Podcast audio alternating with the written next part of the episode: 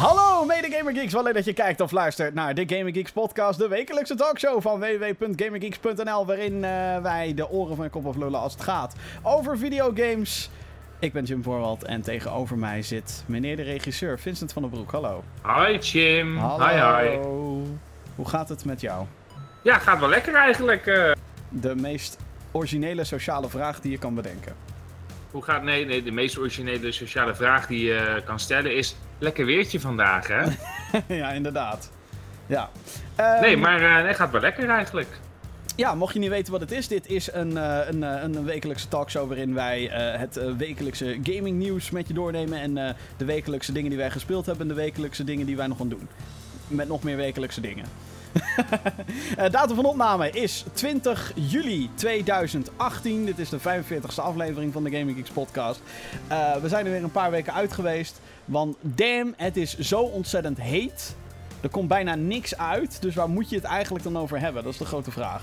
Over het weer. Over het ja, precies. Oh man, wat een weer hè. Man, man, man. Nou, nou, nou, Oh, nou. het was warm vandaag, hè? Ja, Oh, ja. jeetje. Ja, en dan zit ik hier op mijn zolderkamer. Ah, arme jongen. Ja, ik weet het. Het is echt een beetje... Gewoon... eh, Nou, met, weet je met wie ik medelijden heb? Met die paarden die naast mijn weiland eh, grazen. Die beesten die gewoon geen gras hebben, want dat is er niet meer. nee. Ook geen water hebben, want dat is er niet meer. En dan moet mama nog een veulentje verzorgen. Ach, gossie. Ach, gossie. Ach, gossie. Ja, Ah. ik, zit dus, ik zit dus tegenwoordig gewoon met een bord eten op schoot. Dat is mijn nieuwe ritueel. Ja? Eh, als ik eenmaal ga eten, ik kom terug van werk, ik ga eten. En dan zit ik naar die Incredible Dr. Paul te kijken op National Geographic. Wat de fuck is dat? Dat is dus eh, gewoon een programma waarin een dierenarts gevolgd wordt. Oké. En dat is een Nederlander die in Amerika woont, Jan, Jan Pol. Ja.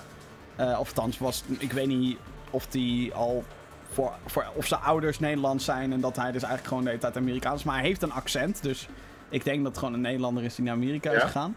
Maar ja, dat is super leuk, want dan zie je dit. Oh, kijk, een diertje! Oh, wat schattig! Oh, oh, oh. En Jan to the rescue. Nou, dat klinkt inderdaad eh, als, een, als een leuke sidequest. Ja, soms is het een beetje goor, want dan zit je met een bord eten op schoot en dan zie je gewoon hoe ze een baarmoeder van een koe weer terug in die koe proberen te duwen. Denk ook Oh dat wel kan van ja. wel uit dus. Maar het schijnt dus ook dat hij in Nederland een programma gaat maken, wat ik dan wel echt weer humor vind. Ja, Ja. dat snap ik. Ja, oké. Eh, Vincent, heb jij nog wat gespeeld? Staat er nog iets op je playlist? Ja, ik heb, ik heb, ik heb, ik, nou ja, laat ik zo zeggen, wat ik heb gespeeld is, ik heb eh, Pokémon Go gespeeld. Oh ja, verrassing. Ja. En, maar ik heb Mew en Mewtwo nu. Oh, Vandaag heb ik Mewtwo gevangen. Oh jeetje, ja, het is. eh, Jeetje. ja. Ja, ik, deed, eh, ik heb voor het eerst heb ik, meegedaan in een X-raid, zoals ze dat noemen. Zo'n speciale raid. Mhm. Er was een, heet het, Pokémon Go is op dit moment echt ontzettend actief. Er gebeurt heel veel. Ik, ik, er, was een, er was een fossiele weekend en missies. Toen was er een of ander mislukt evenement in Dortmund. Eh, daarna wa- was er een, eh, was er een eh, hoe heet die blauwe vogel ook weer? Articuno evenement. En bij dat Articuno evenement, dat was volgens mij twee weken terug of zo, toen heb ik daaraan meegedaan. Toen dacht ik van, nou ja, ik wil wel een shiny Articuno, want alles draait nu tegenwoordig eh, om shiny, want je hebt de normale varianten heb je al. Dus ik dacht, ik ga meedoen. En toen hadden ze het daar over X-Rate en Gym triggeren. Ja, Gym, het, het is soms alsof je met hogere wiskunde bezig bent, want er schijnen dus bepaalde gyms te zijn in een coördinatensysteem die binnen een bepaalde eh, meter van een park en een stad en bladibladibladie bullshit, maar er schijnen dus allemaal algoritmes voor te zijn. En ik deed dus mee in die gym. En ze hadden het over, we gaan hem triggeren, we gaan hem triggeren. Ja, ik was ook getriggerd, want ik had geen idee waar het over ging. Maar het, wat ze deden, dat heeft dus gelukt. Want ik ontving dus eh, afgelopen week een zwart pasje in mijn eh, inbox. En daar stond dat ik dus een X-Rate pas had. En met die X-Rate pas kan je dus Mewtwo vangen. Dus vandaag eh, stond ik met een hele club eh, om een kunstwerkje. En toen hebben we Mewtwo verslagen. En toen had ik hem gevangen daarna. Dus ik was heel blij. Op dat moment. En als ik het zo terug vertel, denk ik van... Ja, ik had ook kunnen editen. Je had ook iets nuttigs kunnen doen. Maar goed, ja, welkom, welkom bij videogames, denk ik dan ook. Ja, dus, eh, dus ik heb Mewtwo gevangen. Mew heb ik eh, gevangen. En eh, ik moet wel zeggen dat er een soort mentale rust nu valt. Want ik heb ze bijna allemaal. Ik hoef alleen Tauros nog. En Taurus die kan je niet vangen in, Die kan je alleen in Amerika vangen, had ik in ergens Amerika. Ja, en ik had ook al heel lang geen Tangela. En die heb ik nu ook. En de rest, dat maakt me niet zo heel veel uit. Als ik die eerste 150 maar heb. Dus daar ben, daar ben ik er nog maar één van verwijderd. Oké, dus jij bent wel... eh, je bent een blij man. Ik, eh, ik, ik, ik, ik, ik ben tevreden. Ja, dat snap, dat snap ik dan weer wel, ja. ja. Maar laat, laat ik het zo zeggen, het zit een beetje op hetzelfde niveau als 32 uur Call of Duty spelen. Zeg maar gewoon geen niveau. Nou ja, zeg. Nou ja zeg. Nou ja, zeg. Maar en verder, eh, de playlist. eh, de- ik heb. ah, het, het mag er niet helemaal bij horen, maar ik wil het men- wel mentionen. Ik ben de Netflix-serie Kiss Me First aan het kijken. Dat is- komt op dit moment voor mij het dichtste in de buurt van gamen. Kiss Me First is een, eh, is een serie op Netflix. Ik heb geen idee wanneer die is uitgekomen, maar hij stond in één keer in van... Hey Finn, dit moet je gaan kijken. En dat, eh, gaat een, dat, dat is een serie en dat gaat dus over videogames. Het gaat eigenlijk over een soort VR-wereld. Een wereld waarin een, eh, een, eh, ja, een groep tieners eh, rondhangt. dit, klinkt, dit klinkt als een soort Ready Player One. Nee, nee, eigenlijk...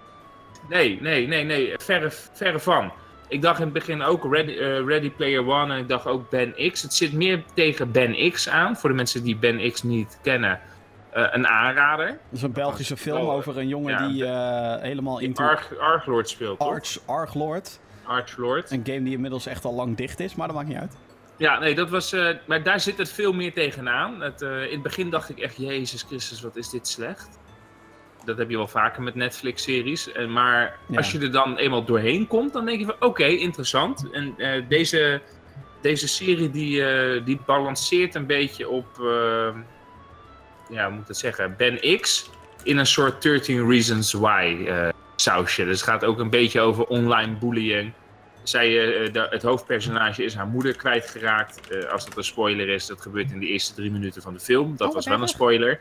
Eh, maar goed, die is haar moeder kwijtgeraakt. En zij eh, ontsnapt dus eigenlijk in een VR-wereld. en wat mijn aandacht ontzettend trok in die serie was dat het helemaal niet zo werkt. VR. Dus zij, zij proberen een soort wereld neer Ja, te zetten waarin dan een eh, meisje met, met zo'n ding op de kop zit. En dan maakt ze movements en bewegingen. Terwijl ik weet, als gamer zijnde, als iemand die een VR-headset thuis heeft liggen, zo werkt het niet. Zo, eh, de manier waarop zij beweegt en de manier wat die game pretendeert te zijn, dat klopt niet. Ehm, en daardoor was ik heel erg benieuwd van, oké, hoe gaat het nu verder? Maar ik zit nu wel in die serie en denk dat ik nog twee afleveringen moet. En dat ik wel zoiets heb van, ja, dit is wel interessant. Ik bedoel, ze proberen het. En eh, ja, de balans die ze nu vinden. Dus het gaat, eh, wat ik zeg, het gaat eigenlijk over een beetje pestgedrag. Over een eh, instabiele tieners.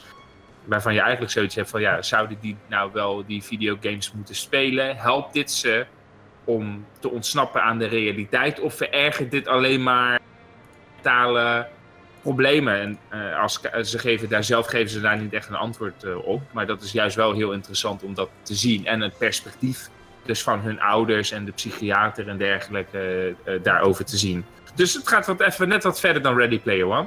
Ja, want Ready Player One, eh, ik bedoel, laten we eerlijk zijn, het is wel een van mijn favoriete films van dit jaar. Ja, maar dat komt gewoon omdat het een nos- nostalgie vakfest is. eh. Ook, maar ook omdat het gewoon weer een heerlijke Spielberg-film is. Die, ehm, en dat vind ik zeg maar heel knap. Spielberg is 71 jaar oud. En heeft Ready Player One geregisseerd alsof hij nu 25 is, zeg maar. ja, Ja, Ja, ja, meneertje, zit er niet mee. ja, niet helemaal. Maar Ready Player One was wel vermakelijk. En het was inderdaad een typische Spielberg speelfilm van de laatste jaren. Een film zonder enige inhoud. Dus eh, daar ben ik het wel met je mee eens. Nou ja, zeg. Dat, eh, dat wil ik niet zeggen. Maar goed, ehm, ja, ik heb dus ontzettend veel op mijn playlist staan. Eh, dat is ook een beetje het gesprek van de dag. Je zei het eigenlijk net al. Ik ben eh, helemaal into World War... Call of Duty World War II gedoken. Oké. En ehm, ik weet niet waarom, eigenlijk. Het is een game die al sinds november, toen de game uitkwam, eh, op mijn computer staat. En ik heb het toen heel kort even gespeeld. En daarna soort van losgelaten. Weet je wel, oké, nou, dat heb, ik, eh, dat heb ik ook weer meegemaakt. Dikke prima, weet je wel, het zal wel. Ehm, en Call of Duty, ik bedoel, het is de, de first-person shooter serie, der first-person shooter series. Holy shit, het is fucking Call of Duty, weet je wel. Ehm, het is snel, het is, uh, iedereen wil er goed in worden, iedereen wil er goed in zijn. Um, en ik heb de afgelopen paar jaar echt een hekel gehad aan Call of Duty. En niet omdat het populair is, maar omdat je naar mijn mening te snel doodgaat. Het level design vond ik niet altijd even goed, waardoor je um, het snelle doodgaan in combinatie met dat je uit letterlijk elke hoek kapot geschoten kan worden, waardoor je dus uh, zeker als nieuwkomer gewoon kansloos bent. Mm -hmm. um, dat is sowieso, vind ik, een groot probleem met Call of Duty. Als nieuwkomer ben je gewoon heel erg in het nadeel. Je hebt niet de de vette guns met alle attachments en scopes en, en, en voordelen die andere spelers wel hebben. En ik denk dat ik wel durf te zeggen dat er uh, in, heel veel Call of Duties dat er wapens objectief beter zijn dan andere wapens.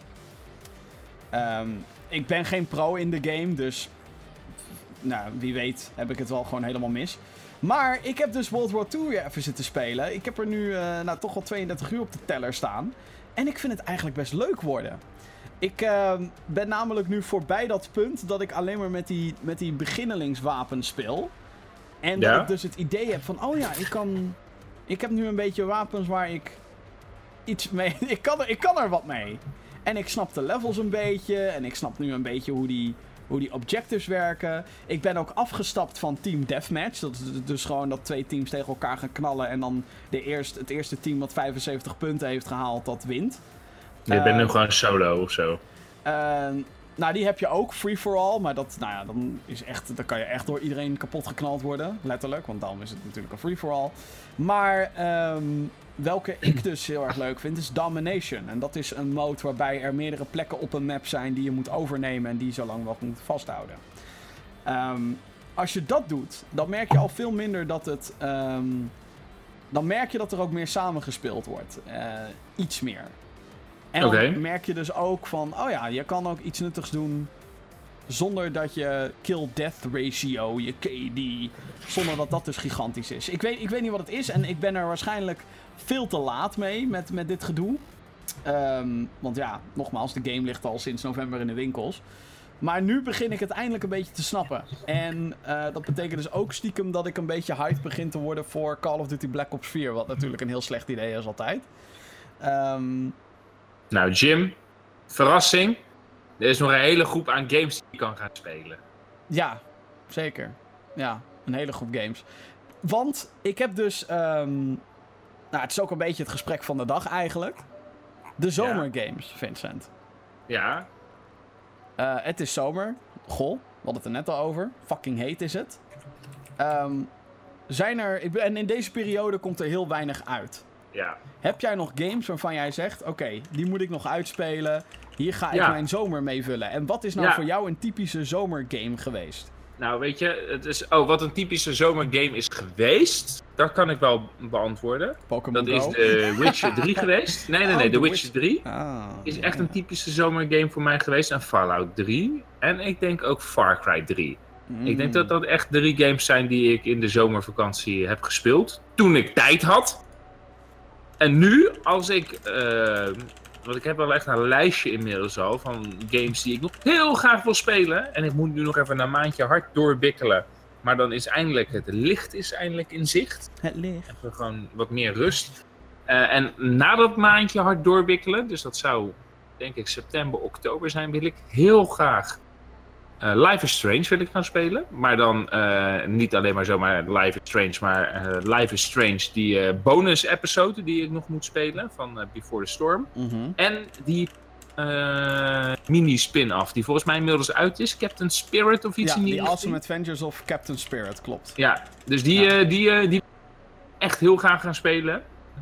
ik wil heel graag tijd hebben voor Detroit. Mm -hmm. Star Wars Battlefront 2, die ga ik echt nog spelen dat gaat echt gebeuren.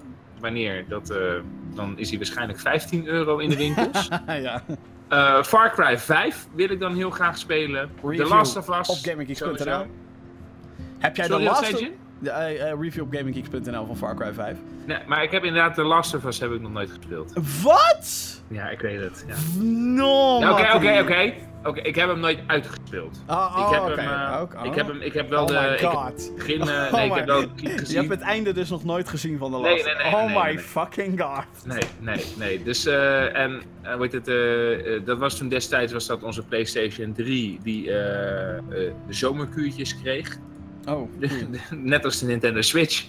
Dus eh, dat was... eh, gaan we het zo over hebben, dat was- over de zomerkuurtjes. Ja, precies. Dus eh, die wil ik uitspelen. Nou zag ik, afgelopen week zag ik een game. Ik heb het ook naar jou toegestuurd. Octopath Finder. Of Octopath nog wat Traveler. voor de Switch. Octopath Traveler. Ja, die is afgelopen week is die, uit, ja. is die uitgekomen. Dat vond ik er zo vet uitzien zeg. Ja, Octopath Traveler is een, een, eh, een Japanse eh, RPG. Ja. Ehm, dus je loopt rond in een, in een soort van pixelwereld. En eh, dan heb je van die random willekeurige encounters die je krijgt. En, en ja, grote quests met weet ik hoeveel characters. Ehm, wat heel erg vet is aan Octopath Traveler, het is gemaakt door een Japanse studio die eh, hiervoor ook eh, Bravely Default en Bravely Second heeft gemaakt voor de 3DS. Dat zijn eigenlijk games die heel erg lijken op die oudere Final Fantasy games. Ja, En Octopath Traveler doet daar nog een moderner stapje bovenop. Ehm, die combineert namelijk de klassieke 2D sprites, dus van die pixelachtige poppetjes, Mhm. maar dan met 3D-omgevingen. Die ook op zichzelf pixelig zijn. Nou klinkt dat heel erg stom, maar als je eenmaal die stijl ziet, en als je nu de videoversie van de podcast bekijkt, dan zie je de game nu. Ehm, het, het- de, de, de stijl klopt gewoon op de een of andere manier in deze game. Het ziet er zo ontzettend vet uit. En van wat ik eh, heb begrepen, eh, van wat ik her en daar gelezen heb, want ik heb hem zelf niet eh, gespeeld nog, eh, Octopath Traveler. Ehm, maar het schijnt ook wel echt eh, heel goed te zijn. Gewoon lekker zo'n klassieke game waar je gerust 100 uur in kan steken. Dus dat is Ja, wel. Ja.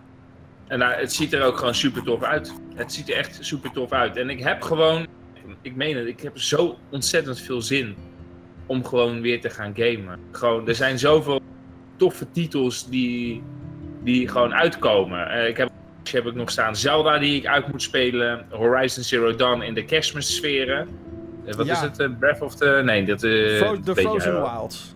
De Frozen Wilds, dank je. Daar ben ik dus En- ook weer in gaan duiken, ja. In Horizon Ja. Zero Dawn. Ik, eh, die game heb ik nog niet uitgespeeld. Jij hebt wel de originele game uitgespeeld op Ja. de PlayStation 4.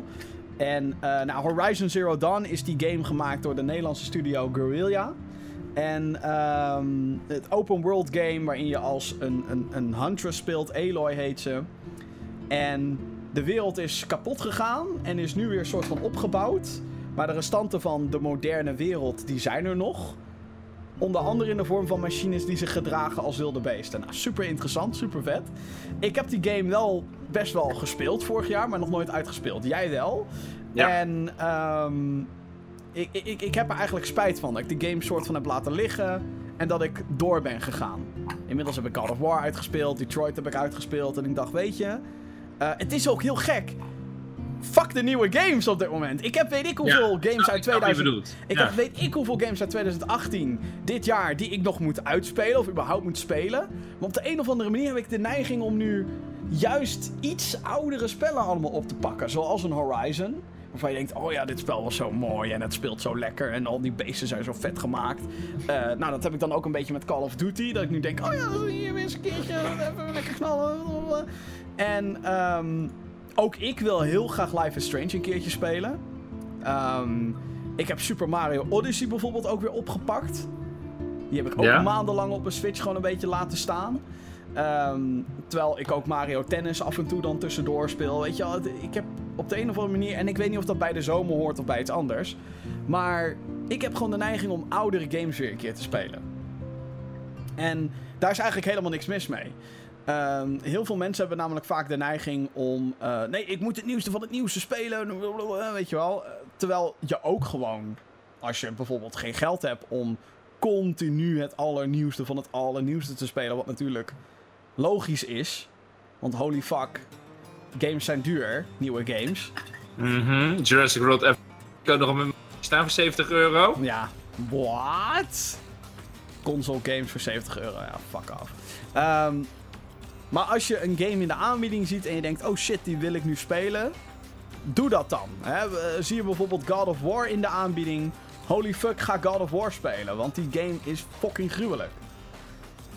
Zo heb ik er nog wel wat meer op mijn lijstje staan. Ik wil bijvoorbeeld echt weer een keer Middle-earth Shadow of War gaan eh, spelen. Ehm, dat is eh, een hack-and-slash game in het Lord of the Rings universum. Die game kwam vorig jaar uit. Maar daar zat toen zoveel gezeik omheen met lootboxes en, en microtransacties. En de game werd op een gegeven moment een grindfest. Tenzij je natuurlijk extra geld erin stak om sterke orks te recruiten. Daar is nu een update voor uitgekomen. Dat hebben ze er helemaal uitgesloopt. Oké. En dan denk ik, yes, eindelijk. En waarschijnlijk dachten ze van oké, we hebben genoeg geld verdiend met die lootboxes, niemand koopt het meer. Laten we het er nu maar uithalen. Ja. En want die ontwikkelaars zeiden ook van ja, het, eh, het is eigenlijk een beetje dat ons hele Nemesis systeem. Dat is een soort ranking systeem binnen de game, waarbij orks zeg maar ook tegen elkaar vechten. En een, eh, nou ja, echt Mhm. een soort stam. eh, eh, ja, ik wil zeggen stamboom, maar dat is echt familie. Maar zeg maar een stamboom qua macht hebben. En jij kan daarin gaan lopen kutten en je eigen ork-clan oprichten, zeg maar.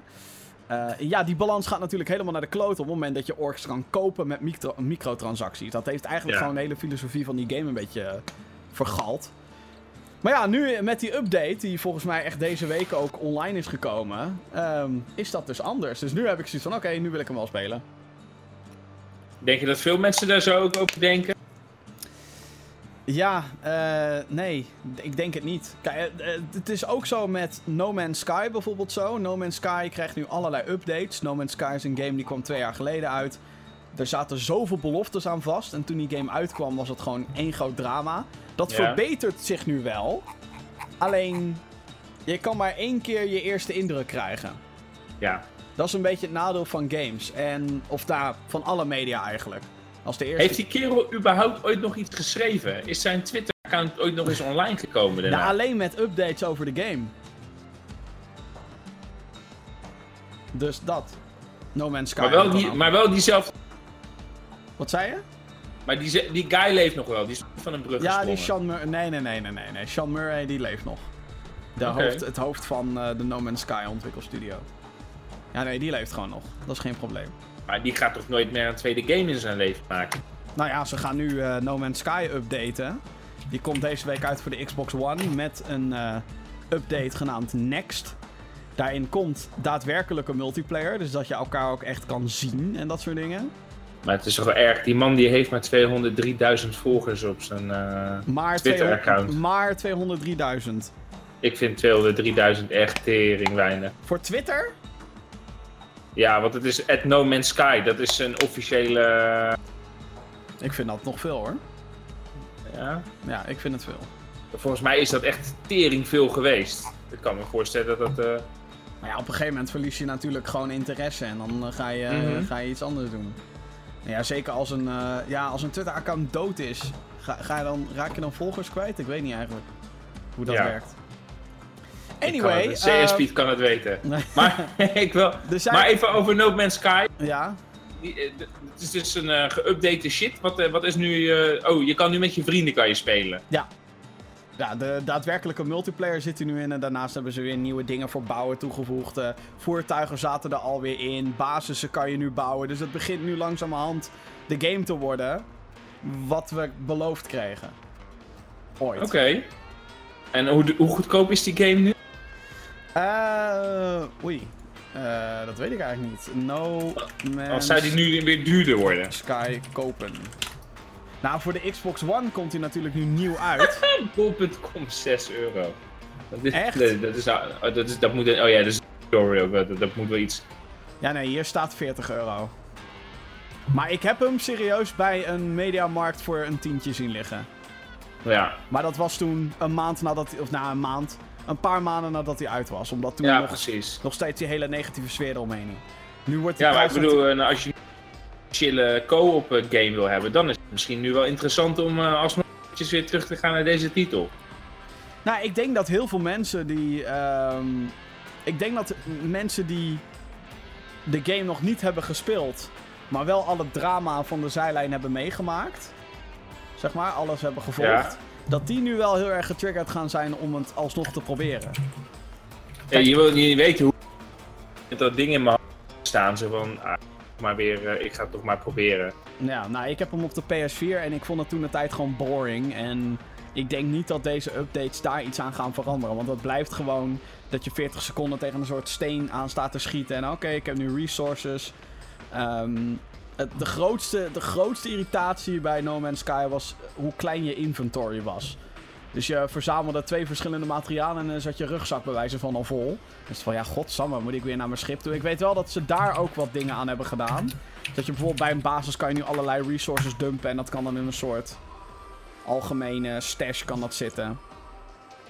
Dus ja, ze doen er wel wat aan. Oké. Nou, ik heb misschien een No Man's Sky Oh jee. Wat heb je?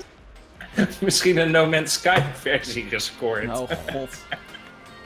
Nee, ik ben oprecht. Ik ben, nee, serieus. Ik, eh, ik ben. eh, ik was natuurlijk een van die grootste zijlijngenieters. Maar eh, speel je op PS4 dan, of niet? Ja, op Play- PlayStation 4. Ja, ik ga dat niet op de PC doen. Oh nou, ik heb ook de PS4-versie, dus... eh Ja, dus nee, maar. eh, ik, ben, ik ben getriggerd door Sean Murray zijn, eh, zijn Twitter-tijdlijn en dan de video die ik daarop zie. Dat ik denk van, oké, we zijn nu een, eh, een jaar verder, of niet? Twee jaar. Bijna. Twee, twee jaar alweer? Ja, de, 2016 de tijd was... eh, tering hard. Twee Ja. jaar verder, oké. Ja, ik ben, eh, ik ben benieuwd. Ik wil wel een avondje. maar eh, wa- wat ik ook een avondje met jou nou een keertje wil spelen, Ja. is Unravel 2. Overcooked. Oh. En Overcooked, ja. Maar Unravel 2, dat staat ook op mijn lijstje van zomergames. Ja, ik ben daar ook wel voorstander van. Jim, dat wil ik ook wel. eh, tje. Nou, dan moeten we tijd voor elkaar gaan vrijmaken. Nou, moeten we tijd voor elkaar gaan vrijmaken. Oké, we kappen met de pot. Wat? Nee, nee, we gaan niet de podcast stoppen. Nee. Eh, wat we wel zo meteen gaan doen is jouw vraag beantwoorden van eh podcast.gaminggeeks.nl. De hele week staat die mailbox open om eh, jouw vraag te beantwoorden als je dus vragen hebt voor de show. Mailen dus podcast.gaminggeeks.nl.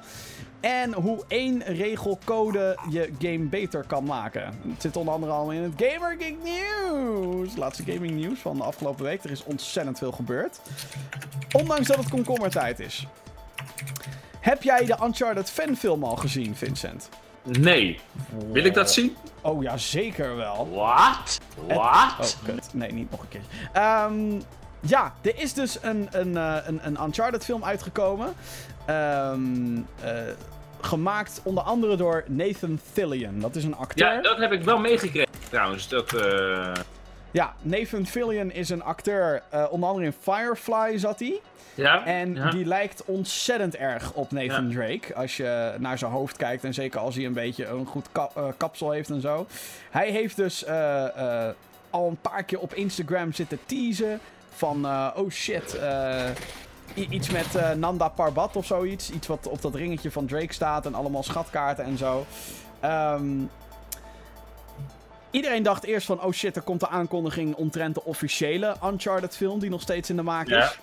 Ehm, Sony is daar nog steeds mee bezig. Zij hebben nu Tom Holland, Spider-Man, gecast als eh, een jonge Nathan Drake.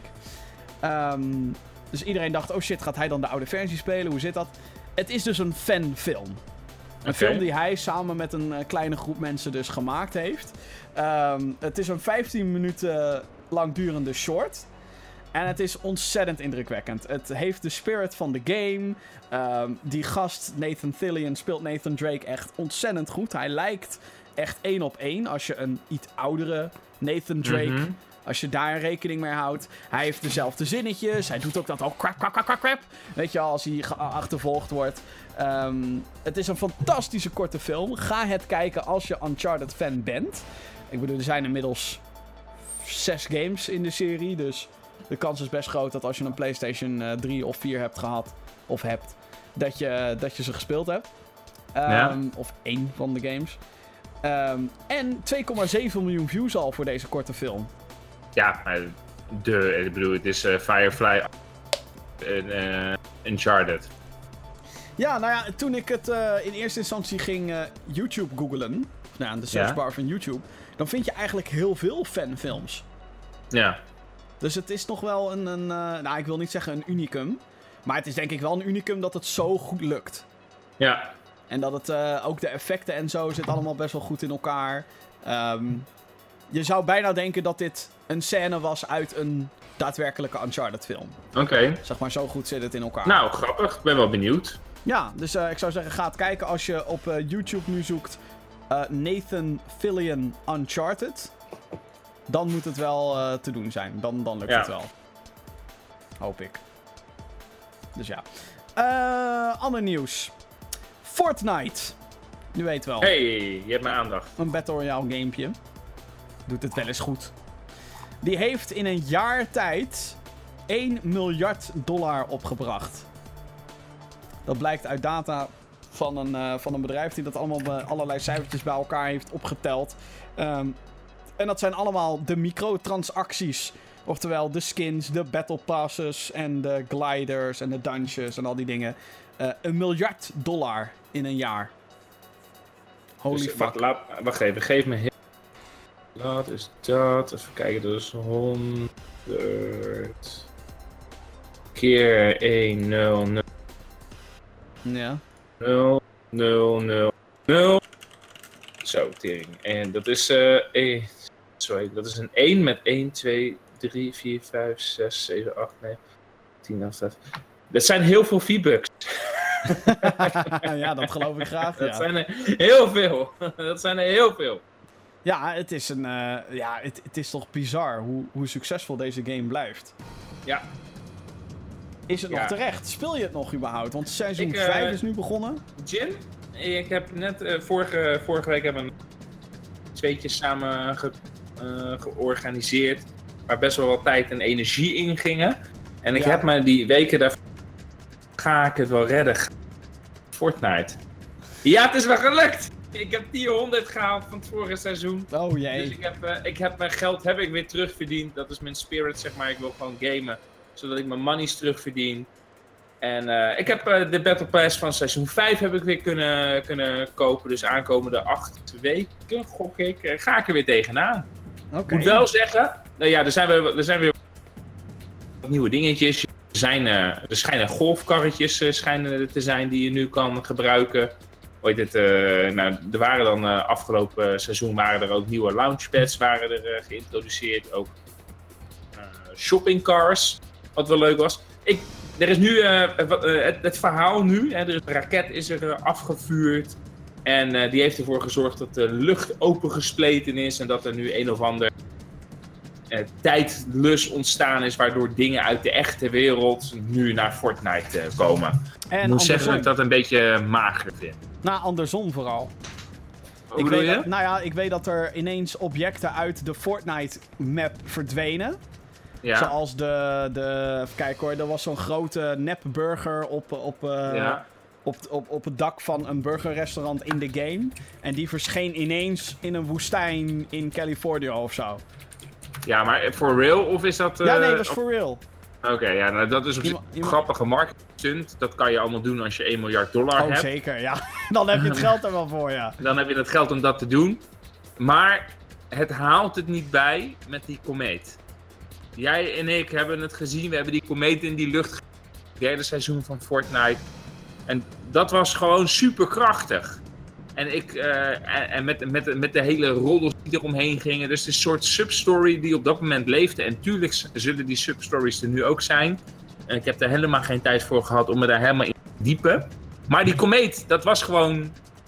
Oké, dit is super interessant. En nou is er dan een of ander eh, woestijngedeelte is dan op de plek waar hiervoor de gevangenis zat. Ik weet nog niet helemaal wat ik ervan moet vinden. Eh, daarom eh, heb ik er ook nog geen mening echt over. Jawel, die heb ik wel. Ik vind het, ik vind het, het nog een beetje. eh, ik vind het dat ik zoiets heb van ja. Weet je, het haalt het niet bij die comedie van een fucking, fucking krachtig. En wat ze daar uiteindelijk mee hebben gedaan. Ja, oké, er komen superhelden uit. Oké. Maar dat was het seizoen dat ik John Wick kan unlocken. En zo'n soort character, ja, dat, dat hebben we niet meer. Ja, het vorige Ik, nou, weet je, ik bedoel, je kan niet altijd pieken. Ik denk dat wat echt gewoon de beste... Ik vond het beste gewoon die Thanos eh, crossover. Ja, ja, ja, ja, ja. Die, ja, die Thanos motor kon je op een gegeven moment had je. Dat was heel tijdelijk, dat was een weekje of zo. Dan had je een mode en uh, dan ging gewoon met 100 spelers weer landen. En dan na twee minuten of zo landde er de Infinity Gauntlet in het level. Ja, en klopt. als jij die oppakte, werd je fucking Thanos uit Avengers Infinity War. Uh, waardoor je uh, iedereen, althans als je goed was, iedereen kon nakken. Want je had allerlei superkrachten en Thanos is natuurlijk super sterk. En ook daar was het weer last man standing. Dus ik, ik hoop dat ze dat soort dingetjes weer wat meer gaan doen. Ja, uh, dat was een ontzettend sterke marketing stunt die ze, die ze deden. Gewoon omdat het uh, was aan de ene kant was het uh, die gasten van, van die Avengers, die speelden Fortnite tijdens het editen. Nou, ik kan me dat heel goed voorstellen dat je dat doet. En nou ja, die samenwerking die is volgens mij ook gewoon heel... Nou ja, die oogt alsof die gewoon heel natuurlijk en gezond is verlopen. Ik bedoel, we weten allemaal dat aan de andere kant natuurlijk ook Disney staat die zijn handje ongetwijfeld ophoudt. Of daar uh, ongetwijfeld uh, heel veel uh, eisen aan vaststelt om zoiets überhaupt mogelijk te maken. Maar ja, ik ben het met je eens. Dat was, dat was best wel sterk, die Thanos. En ik hoop inderdaad dat dat soort dingen nog meer komen. De grote vraag is nu natuurlijk, gaat Fortnite... Kunnen wij volgend jaar zeggen dat Fortnite 2 miljard heeft binnengehaald? Of denk je dat dat gedurende dit jaar toch een beetje naar beneden gaat? Ik denk dat dat naar beneden gaat. Tenzij zij op een hele unieke en ludieke manier uh, de aandacht weer uh, kunnen trekken. Nou, wat ik vertelde, het, het leeft echt gigantisch Fortnite. Het is echt gewoon. Uh, we wisten dat Minecraft leefde, maar dit leeft echt. En, niet alleen onder ons als volwassenen, maar zeker onder de jongeren. Uh, toen wij bezig waren met het documentaire uh, voor dat evenement, toen zijn we dus echt op acht verschillende basisscholen zijn we geweest in onze omgeving. En je, je hoeft kinderen niet met te vragen, doe je gek voor de camera. Nee, je zegt gewoon, doe je leukste Fortnite-dansje. En ze kunnen het allemaal. En dan heb je er natuurlijk een paar die zoiets hebben van Fortnite, wat is dat? Ja, bullshit. Je weet donders goed wat Fortnite iedereen, is. Iedereen weet wat. Fortnite is. Iedereen, ja. Het is een grotere hype dan fucking Minecraft gewoon. Ja, dat durf ik nog niet te zeggen, maar nou. dat zeg jij. Maar het is, het leeft. En het leeft onder jongens en het leeft onder meisjes. En allemaal kunnen ze het en allemaal kunnen ze de dansjes. Fortnite heeft rare dansjes weer uh, uh, populair gemaakt. En dat, zeg maar... Dus hè, ze hebben hier een gouden formule. Nou, nu is de vraag, oké... Okay, voor hoe lang? Het, het, is echt een hype. Het kan niet meer zijn dan een hype. Dit is inderdaad iets gewoon wat... Nou, ik bedoel, je, je, een game kan natuurlijk heel lang populair blijven. En uh, tuurlijk is er op den duur een piek. En ik denk dat we wel veilig kunnen stellen dat de piek van Fortnite inmiddels wel gewoon bereikt is. Dat denk ik ook, ja. Uh, alleen dat hoeft natuurlijk niet te betekenen dat de game daarna tussen aanhalingstekens dood is. Want het was ook met Pokémon Go zo. Dat was ook een gigantische... Dat was ook een fenomeen twee jaar geleden. Maar nu nog steeds spelen honderdduizenden mensen het. Zijn er nog steeds ja. uh, 21.000 man uh, die naar Pokémon Go Fest in Chicago gingen. Wat overigens dit keer wel goed verlopen is daar. Alle servers waren up en zo. En nog 180.000 trainers waren in de omgeving van Chicago op dat moment Ja. online. Dat is fucking bizar. Dat is ook bizar, dat is ook bizar. En, eh, en Pokémon Go, wat daar nou na- nu natuurlijk ook een beetje de kracht achter is, is dat Nintendo het ogenschijnlijk ook echt omarmd heeft. Hiervoor was het natuurlijk Nintendo die aan de zijle- zijkant stond en gewoon zag hoe zijn aandelen eh, daalden. Toen eh, bleek dat het niet van hun afkomstig is, maar van een compleet andere partij. Ja. Maar nu, met die eh, Let's Go Eevee en die Die games die straks eh, gaan komen, Voor de Nintendo Switch in eh, voor de november. Nintendo Switch. Je ziet nu gewoon van, oké, we hebben het omarmd. Het is een toevoeging ervan. Je kan je, je kan je bases op je mobiel kan je naar je Switch toe brengen. In een soort eh, omgeving. Dus ik denk dat het er alleen maar voor gaat zorgen dat dat nog meer gaat leven. En natuurlijk de grote kracht tussen Pokémon en Fortnite. Het is Pokémon. en of Fortnite dat stadium bereiken, dat weet ik niet. Maar ze moeten, eh, ze moeten wel weer met iets nieuws komen. Ze moeten met iets ludieks komen. Ik ben heel blij dat ze geen nieuwe map doen. Mhm.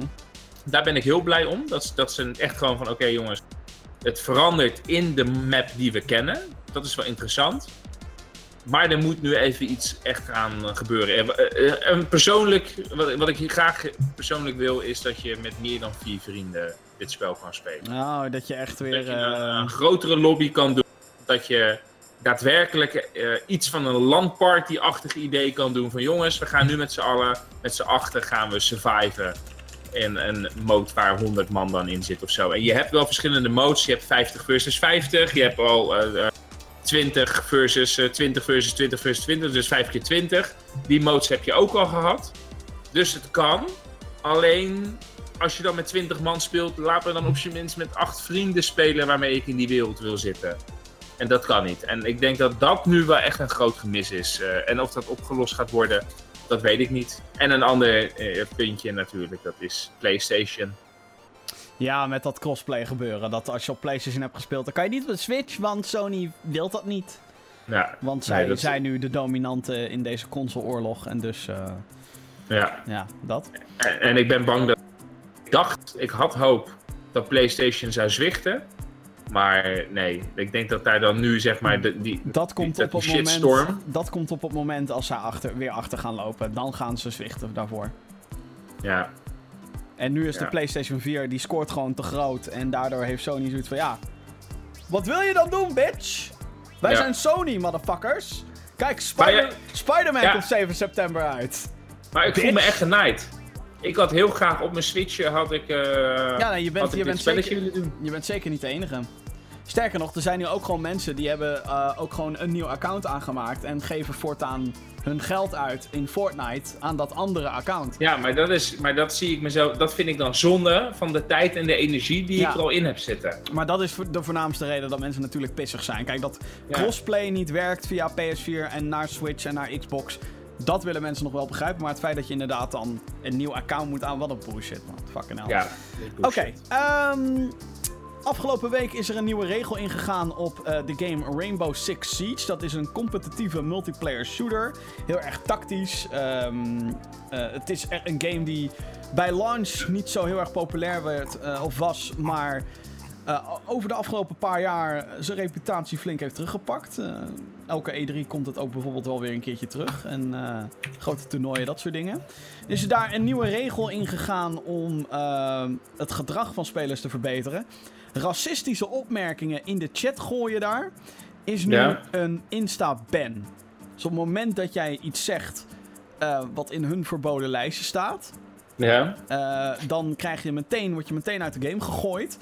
Eh, eerst krijg je een half uur. Denk je, oh, nou, als dat het is, weet je wel, eh, whatever. Maar doe je het nog een keer binnen aanzienlijke tijd, dan krijg je twee uur.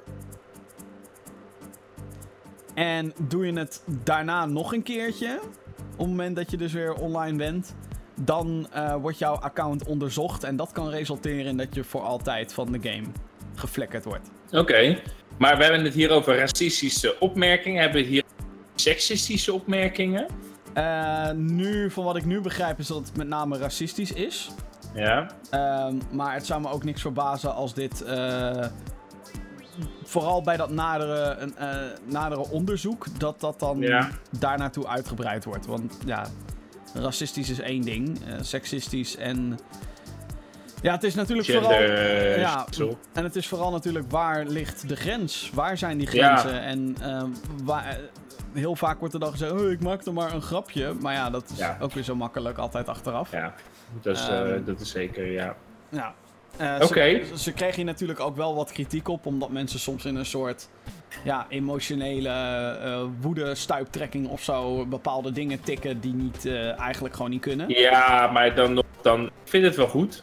Ja, ook al ben je emotioneel instabiel en typ je dat soort bullshit. Eh, nee, ik vind dat wel netjes. Le- lekker hard optreden, zouden meer games moeten doen. En denk ik ook. dat als je, als, je, als je dat doet, zeg maar, hè, als je, ik bedoel, eh, daarop... Oké, weet je, het is, het is zo'n permaban, dat is, dat, gaat wel, dat is wel heel heftig. Maar goed, het is goed dat er dan een onderzoek gepleegd wordt. Aan de andere kant, als dat bij de derde keer gebeurt, hoeveel mankracht moet jij daarop gaan zetten? Want er gaan denk ik best wel wat mensen hoe heet het, eh, door een eh, ban eh, krijgen. Dus om dat zeg maar geleidelijk erin te doen, nou zo'n half uur, twee uur regel. Ik zou dan zeggen 24 uur of 10 uur of iets in die richting. En dan bij een zesde keer of zo echt een onderzoek doen.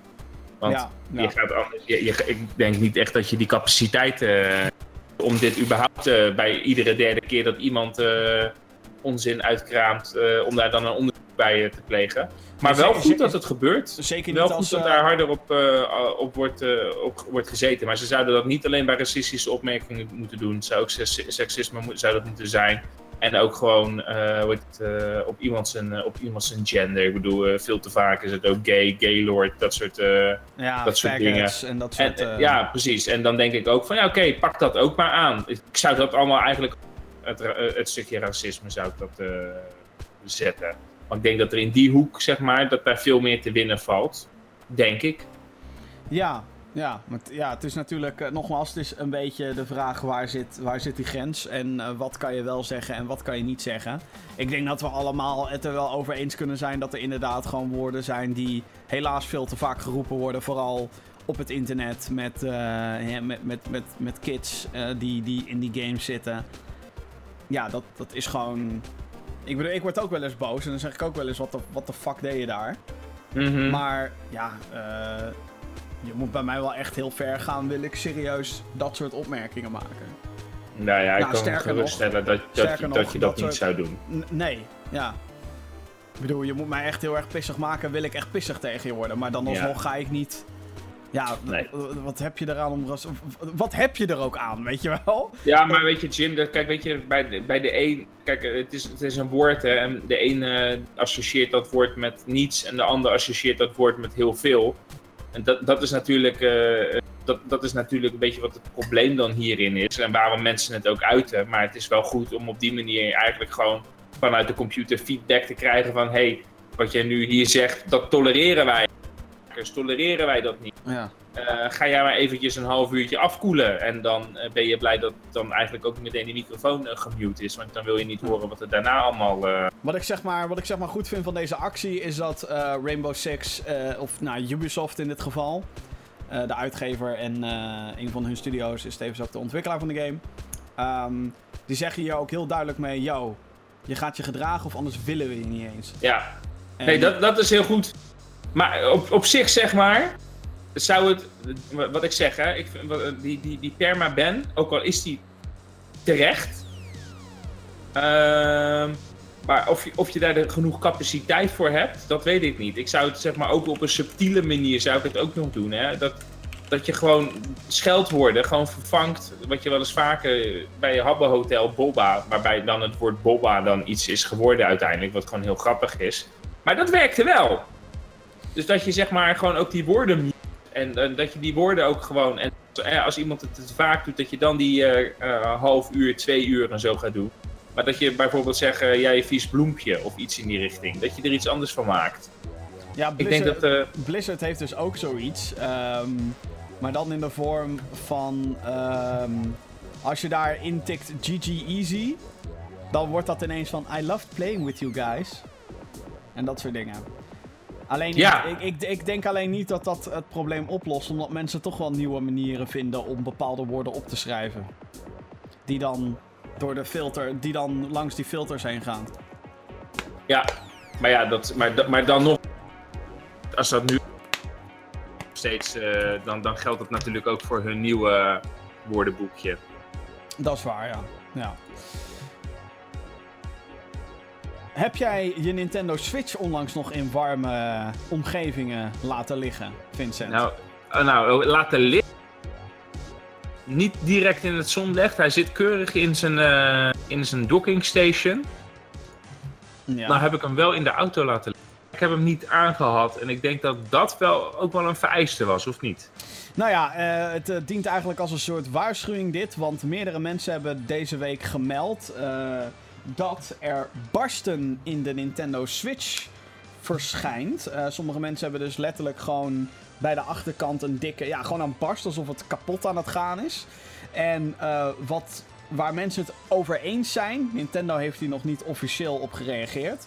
Behalve, eh, of nou ja, Dat ze het niet gaan vergoeden. ze hebben het wel gereageerd. Ze hebben gereageerd met: hey, als er iets stuk is aan je Switch, neem dan contact op met de Nintendo klantenservice en dan kijken wij verder. Maar niet specifiek op dit. Maar het schijnt dus zo te zijn dat als je je Switch in hele warme omgevingen laat liggen, dat dan dus gewoon dat materiaal barst. En dat schijnt te maken te hebben met de batterij, die dan eh, groter wordt. Simpel gezegd. Waardoor dus de casing gaat kraken op de duur. Want het is wel altijd rond hetzelfde gebied. Volgens mij de linkerkant van de Switch en dan van de boven. Dus daar zou dan die batterij moeten zitten. Uh, ja, op zich wel schrikbaar als je daarover gaat nadenken hoeveel kinderziektes die Switch toch wel heeft. Ja, nou ik vind het vooral. Um, ja, ik bedoel, aan de ene kant kan ik me ook wel iets voorstellen dat zo'n dat zo'n apparaat een beetje overhit raakt. Want we hebben het nu dan over gevallen waarbij mensen bijvoorbeeld in de auto laten liggen. Nou, in de auto is het al snikheet. Dan laat je je kinderen en je hond niet in achter. En ja, kennelijk je Nintendo Switch moet je daar ook niet meer in achterlaten. Uh, en ja, dat hele directe zonlicht. Sowieso wordt er natuurlijk altijd wel aangeraden om je apparaten niet urenlang in direct zonlicht uh, te laten liggen. Um, want ja, soms heb ik ook het idee dat ik een uh, brandende iPhone in mijn handen heb als ik buiten lang met dat apparaat, zeg maar, in het open rondloop. Um, dus ergens begrijp ik het wel, maar ja, je zou kunnen denken, daar moet zo'n Switch toch tegen kunnen. Het is notabene een portable apparaat. Ja. Dus ja, het is inderdaad nu een issue. Um, komt hier een oplossing voor? Nou ja, uh, mocht je hier last van hebben van uh, een barst in je Switch. Wat Nintendo eigenlijk al zei, neem contact op met Nintendo, de klantenservers. Uh, en ik denk dat ze dit stilletjes gaan oplossen. Dus dat de volgende drukken van switches, zeg maar, dat die ja. hier iets tegen hebben in het design ja. of in het materiaal en dat niemand ja. dat merkt. Ja, dat denk ik ook. Maar daarom zeg ik, hè, kinderziektes, wat dat, spellen, wat dat, uh, wat dat uh, consoletje van Nintendo toch heeft.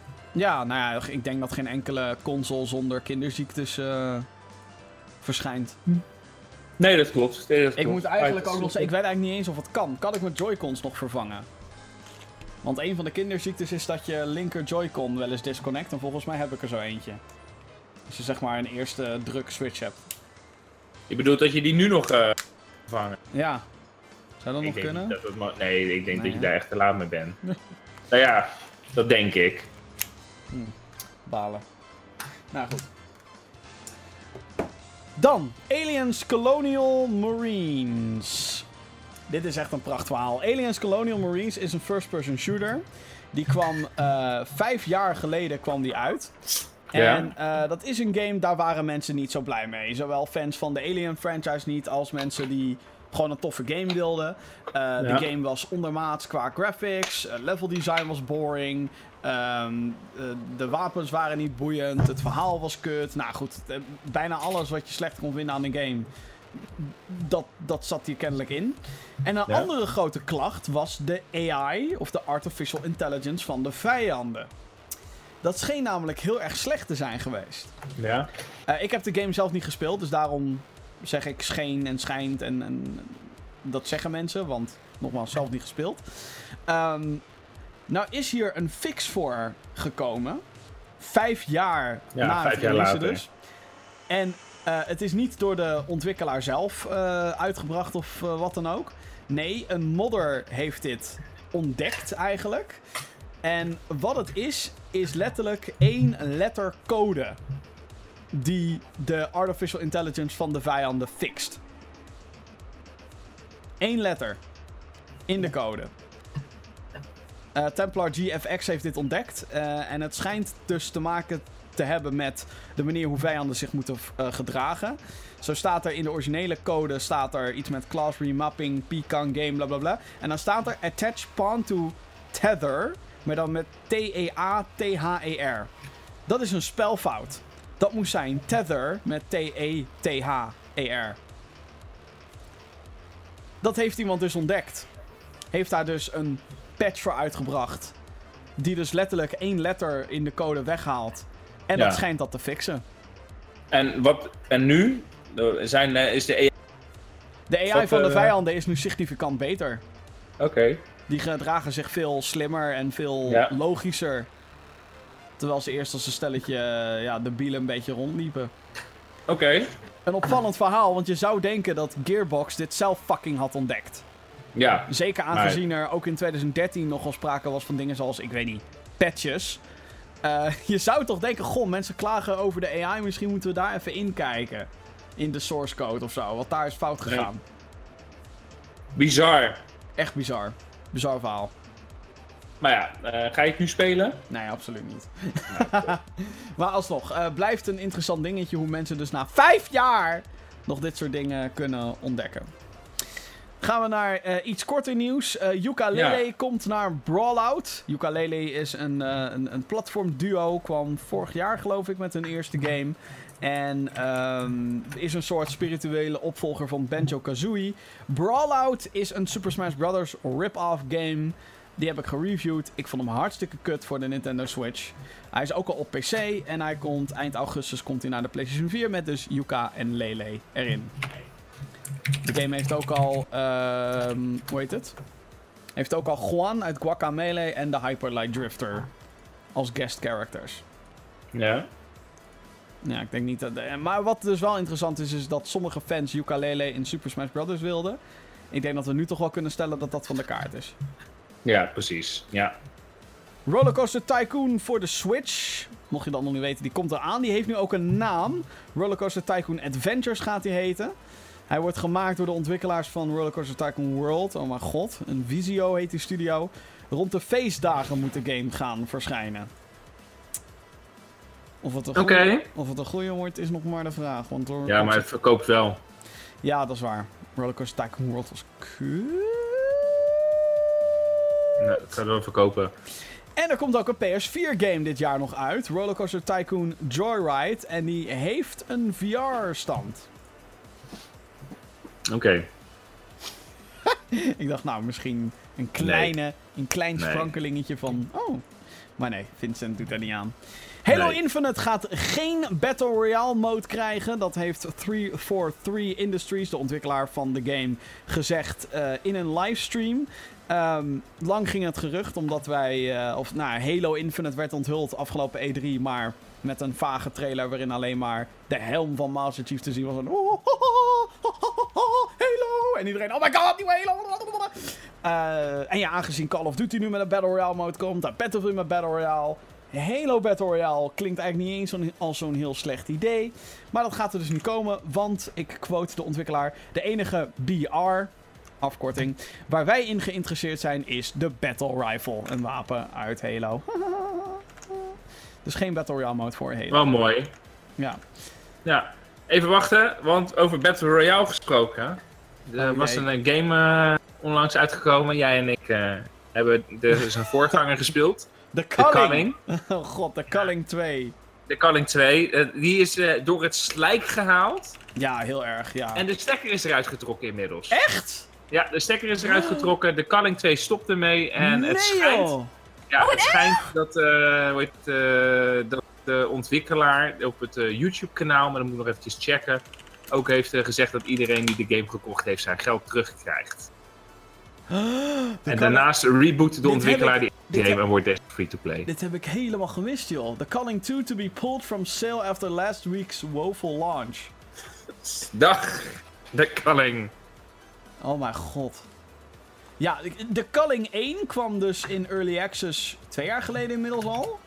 En dat was eigenlijk een soort... Wij noemden het toen gewoon Hunger Games. We wisten niet eens dat we toen eigenlijk al met een soort Battle Royale game te maken hadden. Uh, het was alleen wel echt met zo'n arena en je moest dingen craften. En daar zat veel meer de nadruk op. En de Culling 2 kwam dus inderdaad afgelopen week uit. En dat was gewoon echt... Alles wat origineel was aan de Culling, dat zat er niet meer in. Het was gewoon echt een PUBG rip-off. Player Unknown's Battlegrounds, een andere hele populaire Battle Royale game. Um, en ja, iedereen vond het verschrikkelijk en niemand speelde het en uh, bla bla bla. Maar ik zie dus nu ook dat ze weer teruggaan naar deel 1 om dat te verbeteren. Want die hebben ze letterlijk een paar maanden nadat uh, de Calling 1 uit Early Access kwam. Uh, hebben ze ook gewoon gezegd: Oké, we doen er niks meer aan, fuck it. En kennelijk hebben ze toen in een paar maanden de Calling 2 in elkaar geflanst. Wat grappig, joh. Ja. Dus je kan hem nu ook gewoon niet meer kopen, de Calling 2, op het moment van opname. Dat is nu jammer, zeker. Nou ja, nou, niet, dat ik nu geïnteresseerd ben om er fucking geld in te gaan zitten steken, maar... Nou, nee, maar ik vind het juist wel interessant, zeg maar. Waarom is die game zo fucking slecht? Nou ja, ook onder, heb onder, onder, gezien. Onder, andere omdat ook niemand het speelt, speelde. Ja. Tegelijkertijd. Dus waardoor de mensen die, zeg maar... En dat is ook een beetje het nadeel van multiplayer games. Uh, dat is altijd een risico natuurlijk. Je game moet een, een playerbase hebben... Ja. Om te kunnen werken, want anders kan je niet spelen. En dat was bij de Calling 2 was dat wel heel erg pijnlijk duidelijk. De Calling 2, je kan, je kan hem volgens mij niet meer kopen. View page. Ik zit nu op Steam. Nee, je kan hem niet meer kopen. Eh, de Steam-page bestaat dus nog wel, de, de store-page, maar... Oh twi- het Twitter-account heb ik nu hier ook. We want to thank you for the opportunity to turn back the clock and revisit the game that we hold so dearly. We hope that the return of day one marks one more small step in repairing our relationship with you. Seeing you on the island. Dus wanneer gaan we de Calling 1 weer spelen? Zo, echt niet, man. Echt niet. maar dit is, dit is een uur is dit gepost. Oké. Dus dit is, dit is vers van de pers. Breaking news.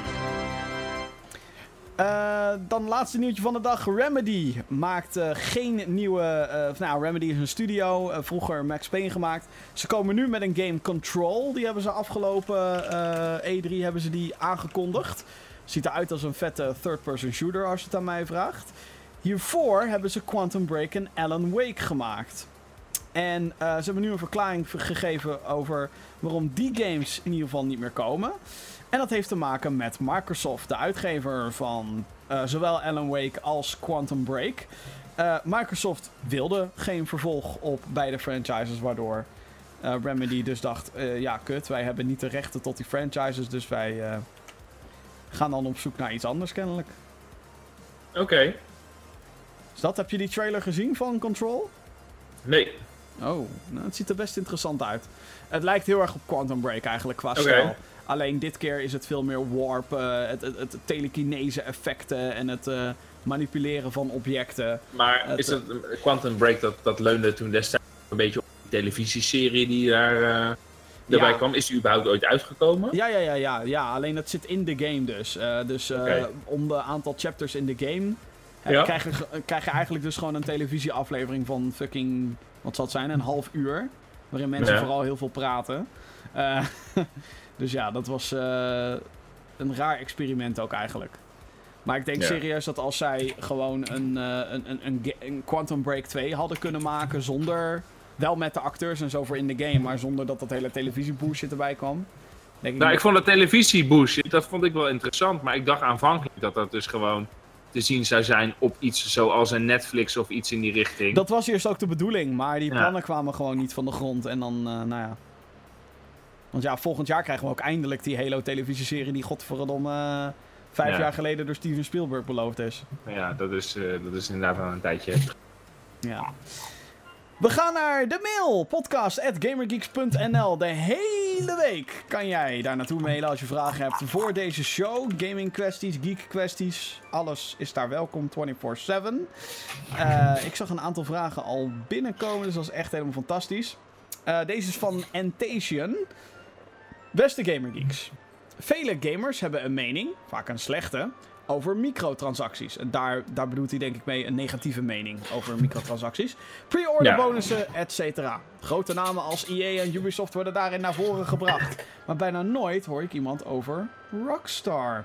Ze maken inderdaad eh, close to perfect games. Maar in GTA 5 bijvoorbeeld kun je nu een Criminal Enterprise Starter Pack kopen voor 30 euro. Waardoor je in-game geld, cosmetische artikelen, een bunker of huis en voertuigen krijgt. Je snel 8 miljoen op je GTA-rekening. Dat is dan 75 echte euro's AUB.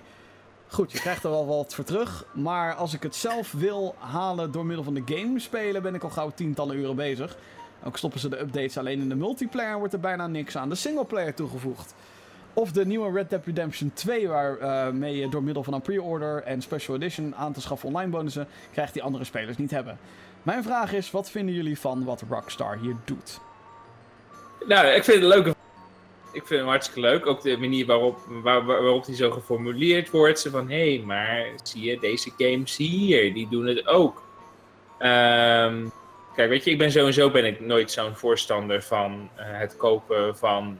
Of jouw geld omzetten in een andere eh, valuta in-game. Waar je door de, gewoon de waarde van het geld eigenlijk gewoon niets is geworden.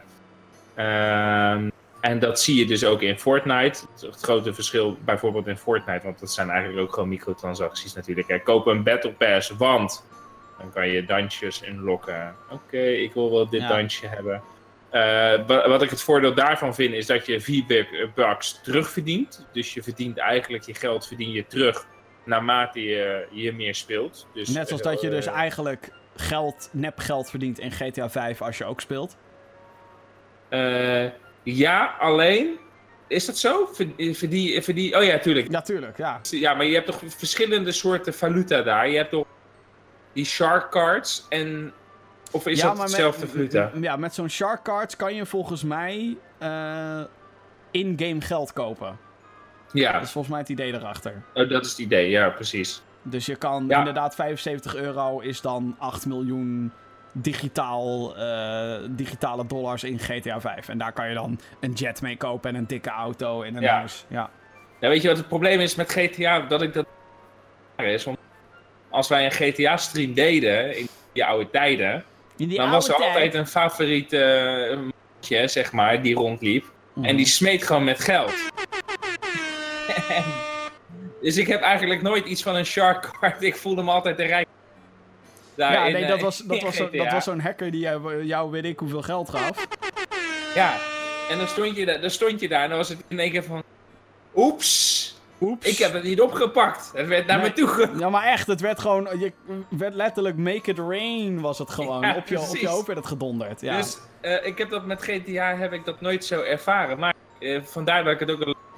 Want ja, je hebt wel gelijk. Het is net zo krom eigenlijk. Maar goed, aan de andere kant, ehm, eh, het, het grote verschil met ten opzichte van Star Wars Battlefront en Shadow of War, is het, het kansspel, hè? Wat, eh, wat daar Ja, speelt. Kijk, ja. als je, je, jij- je hebt gewoon geld. Een vliegtuig die heeft gewoon de waarde daarvan. Het is niet dat als jij, misschien zit dat er nu wel in hoor, dat weet ik niet. Maar eh, volgens mij, de laatste keer dat ik gespeel, speelde, was het niet van. Ik ga nu naar deze garage toe. Ik geef hier nu geld. en dan En krijg je een garage komt of een vliegtuig Ja, of een eh, golfkarretje. ja, precies. Dus ik denk dat dat een beetje een verschil is. En dat is nu zeg maar dus in die andere games eh, zo. Dat dus dat kansspel eh, wat erin eh, zit, wat het dus gokken maakt. En Denk jij dat er, want hij, hij maakt hier een terechte opmerking. En dat is namelijk dat er, dit klopt overigens, dat er ook alleen maar dingen aan de multiplayer worden toegevoegd. In plaats van de singleplayer. Ik denk dat GTA 5 misschien wel een, een singleplayer expansion of een DLC of zo met verhaal had ik wel heel tof gevonden. Maar, en dit is een beetje ongeacht wat wij ervan vinden. ehm, GTA 5 brengt 500, een half miljard op per jaar.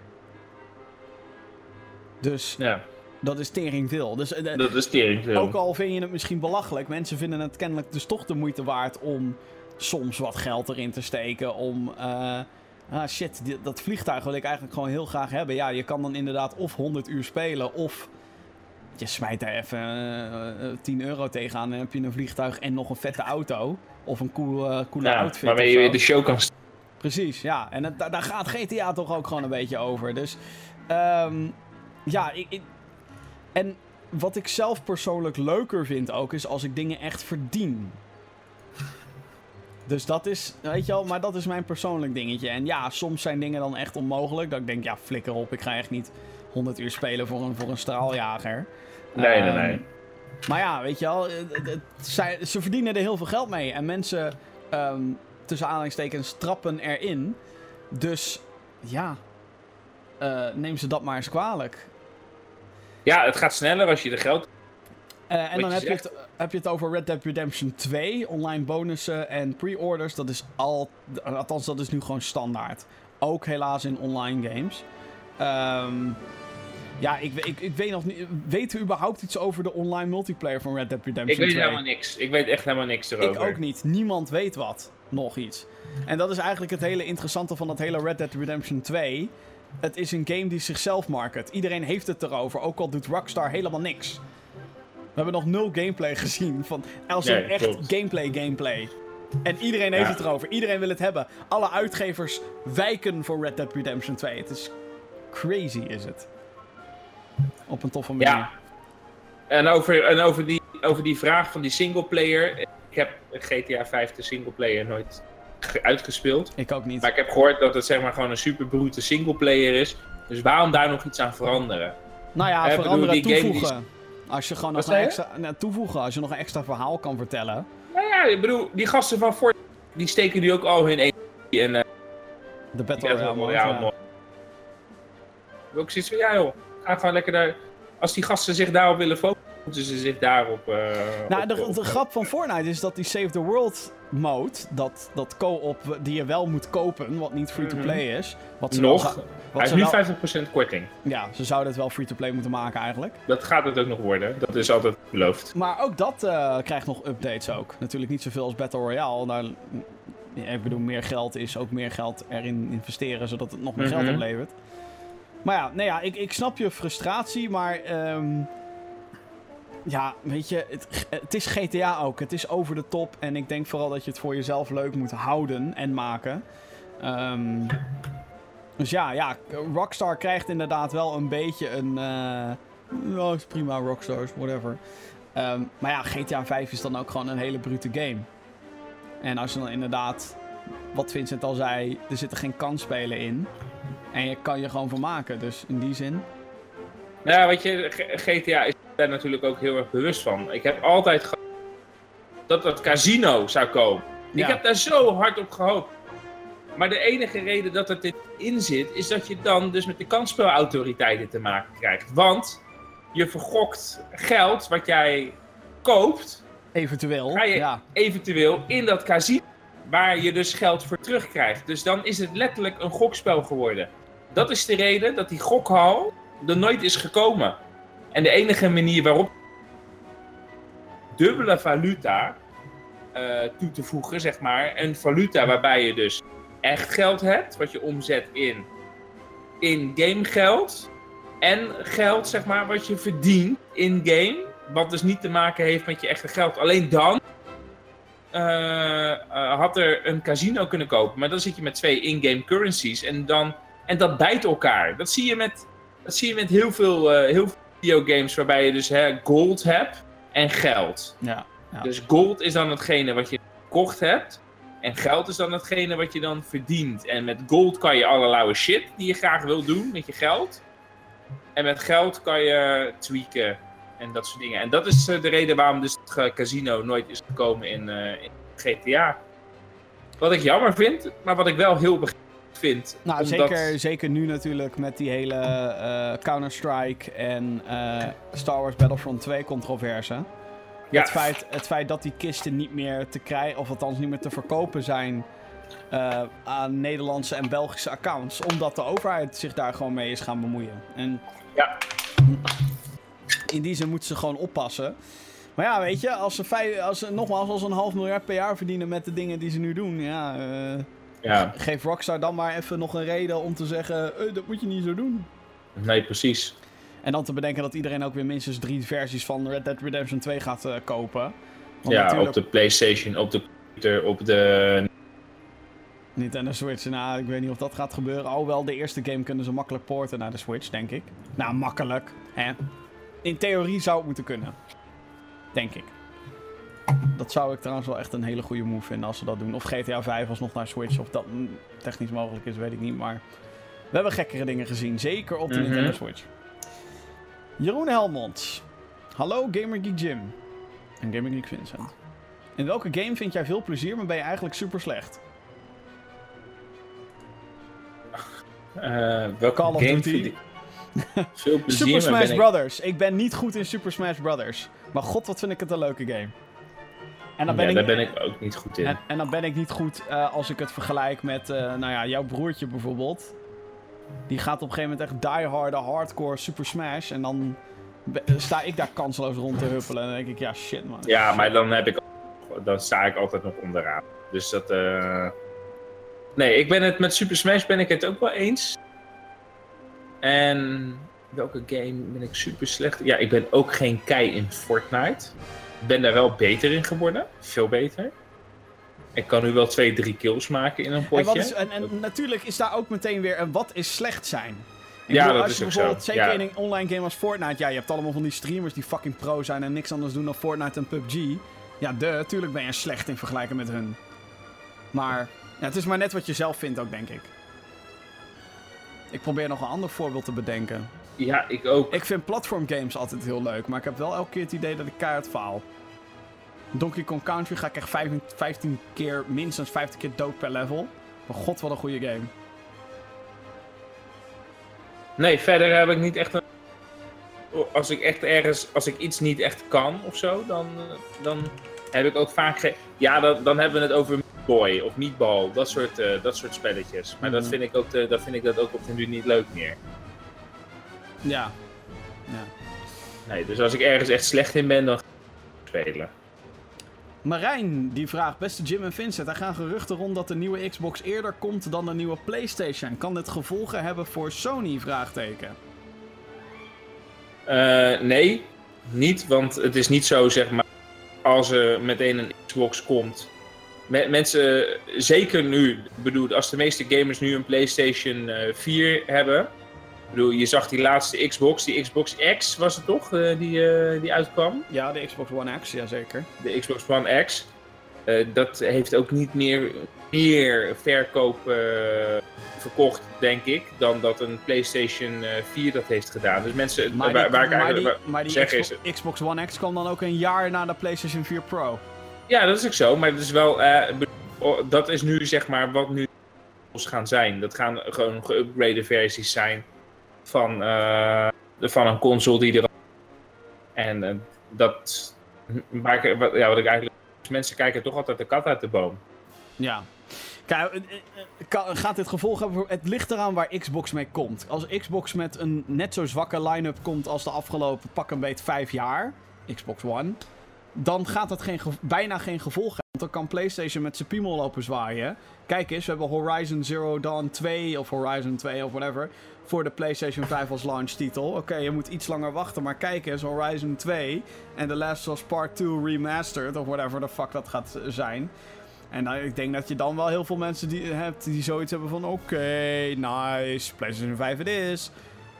Dus ik, denk dat het, ik denk sowieso dat het eh, slim is als eh, dat Microsoft eh, heel snel gaat doen. Want dan, dan kiezen ze bewust, zeg maar, ervoor om klappen te incasseren van PlayStation. het is wel zo dat ehm, heel vaak in de geschiedenis het zo is geweest dat de eerste wint. De consoleoorlog. Niet altijd. Zie Sega eh, Mega Drive versus Super Nintendo. Maar de PlayStation kwam aanzienlijk eerder dan de Nintendo 64 en won van de Nintendo 64. Nou had dat meerdere redenen dan alleen eerder verschijnen. Eh, PlayStation 2 domineerde natuurlijk de GameCube en de Xbox. PlayStation 2 was er ook eerder. De Xbox 360 was eerder dan de PlayStation 3. En won voor het merendeel. Echt richting het eind van die generatie werd het een beetje nek aan nek. Ja, de Wii kwam later. ja, maar de markt is compleet anders geworden. Ja, dat is waar. Bedoel, de, bedoel, vroeger was het interessant dat Maar- je iets had om te gamen. Maar nu heb, heb je een mobiele telefoontje Ja, in je handen maar, loopt. Maar, dus die, die hele, ja? maar terug naar vorige, of deze generatie eigenlijk. Hoeveel Nederlandse Xbox-fans baalden als een motherfucker.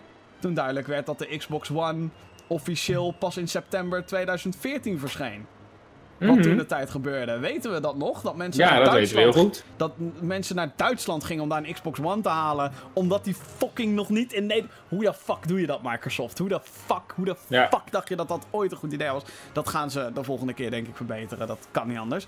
Maar. ehm, en daarin denk ik toch ook wel dat er wat Xbox, Nederlandse Xbox-fans zoiets hebben van ja, what the fuck, als dat ding hier. Microsoft heeft hun shit niet goed op orde. Maar ja, dat is ook weer een hele aparte situatie. Maar we zijn toch allemaal, we zijn allemaal ontzettend brandgevoelig. En eh, eh, de, de meeste gamers zijn nu eenmaal gewoon. eh, ja, die zijn er gewoon eenmaal. PlayStation op zich. Ik wel en ik draag hem met trots. Dus ik zal sowieso wachten tot wat PlayStation doet. Maar het, het kan nooit zo zijn dat als Microsoft dat ding aankondigt. Dan zal PlayStation binnen twee maanden ook met hun console gaan komen. Of nou, kan, in, in, dat- ieder geval met, niet. in ieder geval met meer informatie en communicatie Met, over. Hey, jongens, precies. Precies, jongens. Hey, deze, komt in- deze is nu. Maar kijk eens waar wij mee bezig zijn. Dat moet wel. het is een soort. Je, moet het zien als een soort pokertafel. Als Ja. Xbox een kaartje neerlegt, dan eh, eh, kan PlayStation ervoor kiezen om te folden. En te zeggen: ik laat even niks zien. Of dan kunnen zij twee kaarten of nog een kaartje laten zien van: kijk eens wat ik heb, bitch. Bij wijze van. Ja, is- zo werkt poker niet. Maar. Ehm, de E3 is zeg maar het moment waarbij iedereen bij wijze van hun kaarten op, op tafel legt. En we gaan Ja. ongetwijfeld volgend jaar gaan we de eerste moves zien. En de eerste chipjes worden dan ingezet als het gaat om de next generation. En dat wordt, Ja. een, eh, het wordt een hele... Ja, elke generatie is interessant, maar deze wordt eh, ook heel interessant. Mhm. Hoi Geeks, volgens sommige websites is Level 5, dat is een ontwikkelaar, of ontwikkelstudio, bezig met een Layton game voor de Switch, Professor Layton. Maar naar mijn weten is dit nog niet bevestigd, door, eh, nog door Nintendo, nog door Level 5. Wat denken jullie, komt er spoedig een Layton game voor de Switch? Of zal dit nog jaren duren? Groetjes, Olé. Ehm, persoonlijk, I don't give a fuck over Professor Layton. Eh, nou, ben ik niet mee eens. Ik van een, een game die ik wel altijd heel graag wilde spelen op de 3DS. Maar waarvoor ik zeg maar nooit de moeite had om daar geld voor neer te tellen. mhm, Ja, ja. maar ik had hem wel graag willen spelen. Ik denk dat. ehm, ik, weet je, als er nu nog eh, als er nu een Professor Layton game in ontwikkeling is, is dat nog voor 3DS. Nintendo Dat laat denk die, ik ook. Nintendo laat die 3DS namelijk voorlopig nog niet gaan. Ehm, dat is nog te populair. Er komt nog een Luigi's Mansion remake naar de Nintendo 3DS. Daar heb ik fucking veel zin in. WarioWare verschijnt volgende week op de 3DS. Volgens mij komen er nog een paar wat kleinere games aan. Waarvan je denkt, oké, dat is best wel dope. En voor 3DS, oké, cool. Omdat gewoon heel veel mensen dat nog hebben. En ik denk dat Professor Layton daar ook een perfecte kandidaat voor is. Om nog hè, voor die laatste 1 à 2 jaar 3DS. dat er nog een Professor Layton bij komt. Ehm, komt er eentje naar de Switch ongetwijfeld ooit. En dat kan misschien inderdaad de volgende game zijn. Ik kan het helemaal mis hebben. Maar ja, ik heb daar ook niks over gelezen. Geen persbericht of wat dan ook. Ehm, en ongetwijfeld komt er een nieuwe. Want die games zijn volgens mij altijd wel populair. Emiel, die mailt. Beste geeks, ik ben aan het overwegen om een Nintendo Switch te kopen. Welke games zijn de echte must-buys en welke accessoires zijn noodzakelijk voor optimaal spelplezier? Eh, accessoires zeg ik de Pro Controller.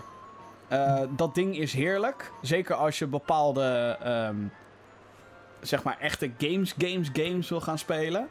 Dan is een Pro Controller toch wel fijn. Ehm, andere must-have accessoires. Ja, een SD-kaart. De. Voor opslagruimte in je Switch.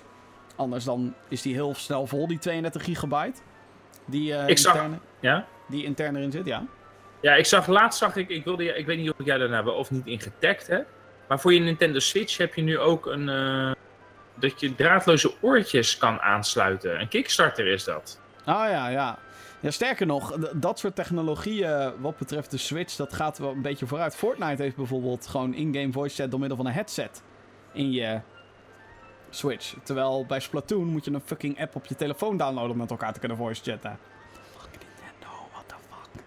Ehm, als we het hebben over must-buy games, eh, Super Mario Odyssey, Mario Kart 8, Deluxe, denk ik, een must-buy. Voor heel veel, ik denk dat heel veel mensen Zelda zullen roepen. Ik, Zelda. ik, eh, ja, ik moet hem echt weer een keertje, ik weet niet, opnieuw oppakken denk ik of zo. Ehm, wat nog meer? Ik vind dus Donkey Kong Country Tropical Freeze vind ik echt fantastisch. Ehm, Shovel Knight. Shovel Knight is echt fucking briljant. Als je Ik denk dat je Octopath eh, Traveler eh, gaat vinden. Ja, eh, Mario plus Rabbids Kingdom Battle als je van strategie houdt. Eh, Sonic Mania als je van 2D-platformers houdt. Ehm, en Mario Tennis is ook wel echt heel leuk. En ja, dan komt, komen Super Smash Bros. en Let's Go Pokémon er nog aan dit jaar. Ja. Dus, eh, en er zijn ontzettend veel indie games op de Switch. Waar eh, inmiddels zo'n ruime selectie aan toffe indie games, toffe gevestigde indie games. Little Nightmares bijvoorbeeld. Crash Bandicoot is op de Switch. Er zijn nog zoveel toffe games. Maar de Nintendo, de core Nintendo titels zijn natuurlijk wel gewoon de reden waarom je een Switch eh, wil halen. Denk, lijkt me. ja, dat denk ik ook. Tobias die vraagt, zijn jullie benieuwd naar Battlefield 5 en Beyond Good and Evil 2? Zijn wel twee compleet aparte werelden. Ja, dat zijn het zeker. Maar, Eh, nee en nee. en, en maybe. Beyond Good and Evil 2, maybe. Battlefield 5 ben ik oprecht heel benieuwd naar. Ehm, de, ik bedoel, het is een online shooter. Ik hou van die shit. Uh, ook al krijg ik in Battlefield niks voor elkaar. Dat is ook zo'n typische game waar, die ik heel leuk vind, maar waar ik heel slecht in ben. Um, het, het is wat meer oldschool. Het spotten is bijvoorbeeld weer terug. Dat je naar iemand kan wijzen Q en dan zit er zo'n rood pijltje waardoor iedereen weet... Oh, hey, kijk, daar loopt een guy. Um, ja. Ja, en het is Tweede Wereldoorlog. Heb ik toch een beetje een zwak voor. Um, en het lijkt gewoon heel veel te hebben, dat spel. En ja, daar komt een Battle Royale mode. De Conquest zit er weer in. Een co-op mode. De single player. Zit, ja, er zit gewoon lekker veel in.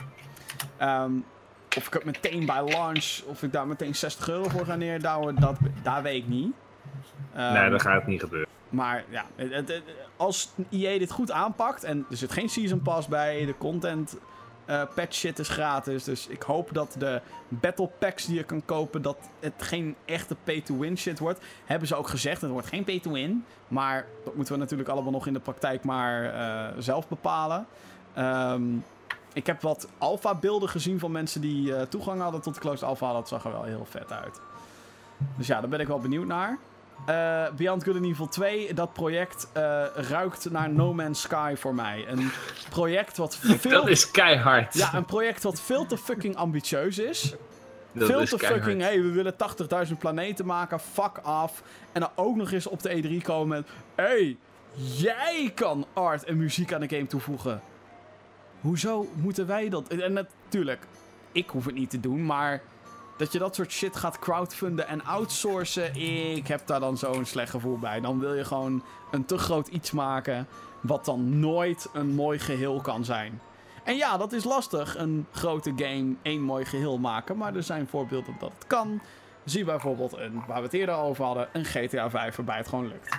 En Beyond ja. Good Evil 2 is al zo lang in ontwikkeling en het schijnt nog dat ze zo weinig hebben ik zie gewoon nog niet wat je nou doet in de game. Behalve rondvliegen en soms wat dudes in elkaar slaan. Wat is nou. Ik, ik snap het nog niet helemaal gewoon. En nou, nogmaals, het feit dat ze dan aan de fans gaan vragen om, om art en muziek en, en assets te maken, dat, dan gaat er bij mij echt gewoon een dikke alarmbel rinkelen. En ja, dat komt door No Man's Sky. En het is ook Ubisoft waar we mee te maken hebben, niet. Uh, een Rockstar bijvoorbeeld, die gewoon voor elk project wat ze maken 10 jaar de tijd krijgen. Dus, um, dat waren de mailtjes. Podcast.gaminggeeks.nl. Als jij dus nog vragen hebt voor de show, uh, mailen dus naar podcast.gaminggeeks.nl. Elk moment, elke dag is dat mogelijk. Woef. Zo. Dan gaan we nog uh, even snel door de releases van deze week. Nou, dat zijn er niet heel veel. Want hey, we zitten nou eenmaal in de komkommerperiode en dat maakt nog niet heel veel uit. Uh, de eerste grote release van aankomende week is op 24 juli. No Man's Sky voor de Xbox One hebben we het eigenlijk over gehad. Met dus de next update voor zowel de Xbox One versie als de PlayStation 4 en de PC. Dus multiplayer zit erin en nog meer toevoegingen aan No Man's Sky. Ik ga hem spelen, denk ik. Oh mijn god. Ook op 24 juli Mega Man X Legacy Collection 1 en 2. Dat is, uh, nou, als je de bundel koopt, heb je dus Mega Man X1 tot en met 8. Zo. Ja, dat zijn er nogal wat. Uh, van de Super Nintendo naar PlayStation 2, tijdperk games. En volgens mij is het zo dat de Legacy, als je ze apart voor elkaar koopt, volgens mij is uh, 1, 2, 3, 4 is dan Legacy Collection 1 uit mijn hoofd. En dan 5 tot en met 8 is dan Legacy Collection 2. Geloof ik. Pin me daar niet aan vast. Maar dat is voor de retro-liefhebbers. Komt uit op PC, Nintendo Switch, PlayStation 4 en Xbox One. En de laatste grote release van deze week is uh, The Banner Saga 3. Dat is een turn-based uh, strategy game. Uh, die, nou, vervolg op deel 2 en 1, de. Maar deel 2, het verhaal daarvan, hoe dat verliep, was heel erg afhankelijk van de keuze die je maakte in 1. En dat gaat dus nu ook door naar deel 3. Aparte tekenstijl. Ja, uh, ziet er leuk uit. Ziet er fantastisch uit. PC, Nintendo Switch, PlayStation 4 en Xbox One. Ook op de 24ste van juli.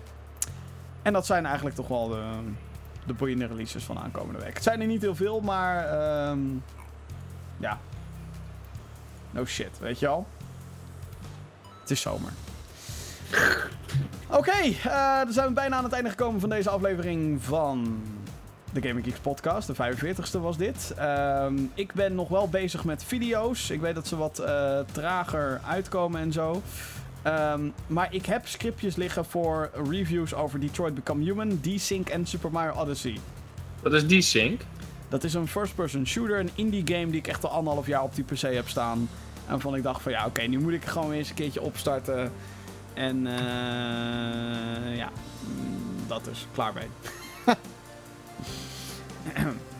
maar dat, eh, dat komt nog wel. Ik ga ze niet alle drie. Ga, het gaat me absoluut niet lukken om ze alle drie deze week uit te brengen, die video's. Maar dat zijn de videoprojecten waar ik in ieder geval mee bezig ben. Nou, Finn, wij gaan nog eh, Unravel 2 spelen dan ergens deze week. Ja, Unravel 2 wil ik spelen. En Ja, eh Ant-Man en the Wasp moeten we nog zien. Die moeten we nog zeker zien. The Purge. nog zien. Die wil ik heel graag zien. Wat liever dan Ant-Man en the Wasp? Ja. The Ja, maar de? Purge... Ja, maar de Purge, ja, nee, maar de Purge dat is ons ding of zo. Ja, en oké, en de ja. Wasp, dat is... Weet je, dat is, dat, daar, daar zullen mensen ook nog mee naartoe gaan. Maar met de. Purge, dat is... Ja, dat is ons ding. En ik heb gehoord dat hij eh, best wel goed schijnt eh, te zijn. En the The Wasp Purge. of The First Purge? Nee, de, de First Purge. Oh, oké, First Person. Oh, Oké. Ja, Ja, ik vind nog en steeds... dat en ik de vind- Wasp, eh, dat eh, moet ik eventjes deel 1 moet ik daar eventjes van zien. Ik vind nog steeds dat ze een First Purgeon shooter moeten maken van The Purge. Oh! Ja, ik denk dat er nooit meer een Purge game gaat komen, maar dat, Nee, dat ja, had- ik ben het mee eens dat, dat- het... di- Had de perfecte Battle Royale game geweest. ja, dat denk ik wel. Nu niet meer. Nou ja. Ja, Nee, als dat een paar jaar geleden Battle, Royale Het is- hoogtepunt bereikt. Het is te populair. Ja, en het heeft dit jaar zijn eh, hoogtepunt bereikt. Wil Er moet je... even iets, er moet iets eh, wat, ik heb dat met dat hele Battle Royale ook in Fortnite ook hoor. Ik ben er continu voor die storm aan het wegvluchten. Wa- wanneer komt die gewoon, die goede survival game? The Calling! Het heet The Calling! Nee, dat is fucking onzin. maar gewoon een goede Daisy. Ja, maar dan gewoon goed uitgewerkt. Ja, Daisy komt heeft een weer? nieuwe engine en shit, hè? Dat heb je nog allemaal Ja. niet gespeeld en meegekregen, maar... Ja, nee, maar dat... eh, Minecraft. Ik heb er niks meer over gehoord Ark. over Daisy. Wat? Minecraft? Kan je bouwen in deze? Nee, dat zei ik niet. Oh, dat, Ark. ik Survival Evolved. Daar ben ik ook nog steeds benieuwd naar. Die staat, moet eigenlijk ook op mijn lijstje. En zo kan je inderdaad nog heel veel lijstjes maken. Dat is een beetje Ja. een nadeel. Eh, wil je meer videocontent van ons zien? Eh dan kan dat op verschillende plekken. www.gaminggeeks.nl is de voornaamste plek waar ik je naartoe wil wijzen. Eh, abonneer op ons YouTube kanaal. Eh, follow, abonneer op ons Twitch kanaal. Abonneren kan tegenwoordig ook. Dat kost nog wel geld hoor. Ehm, als je ons wil supporten, dan is dat een toffe manier om te doen. Twitch.tv slash GamerGeeksLive. Volg ons op Instagram, de Twitter en de Facebook. GamerGeeks NL zijn we op alle social media kanalen. Ehm, en dat, onze videocontent is op www.gaminggeeks.nl. Dit was de Gamergeeks podcast voor deze aflevering. En ik spreek je graag een volgende keer. Later!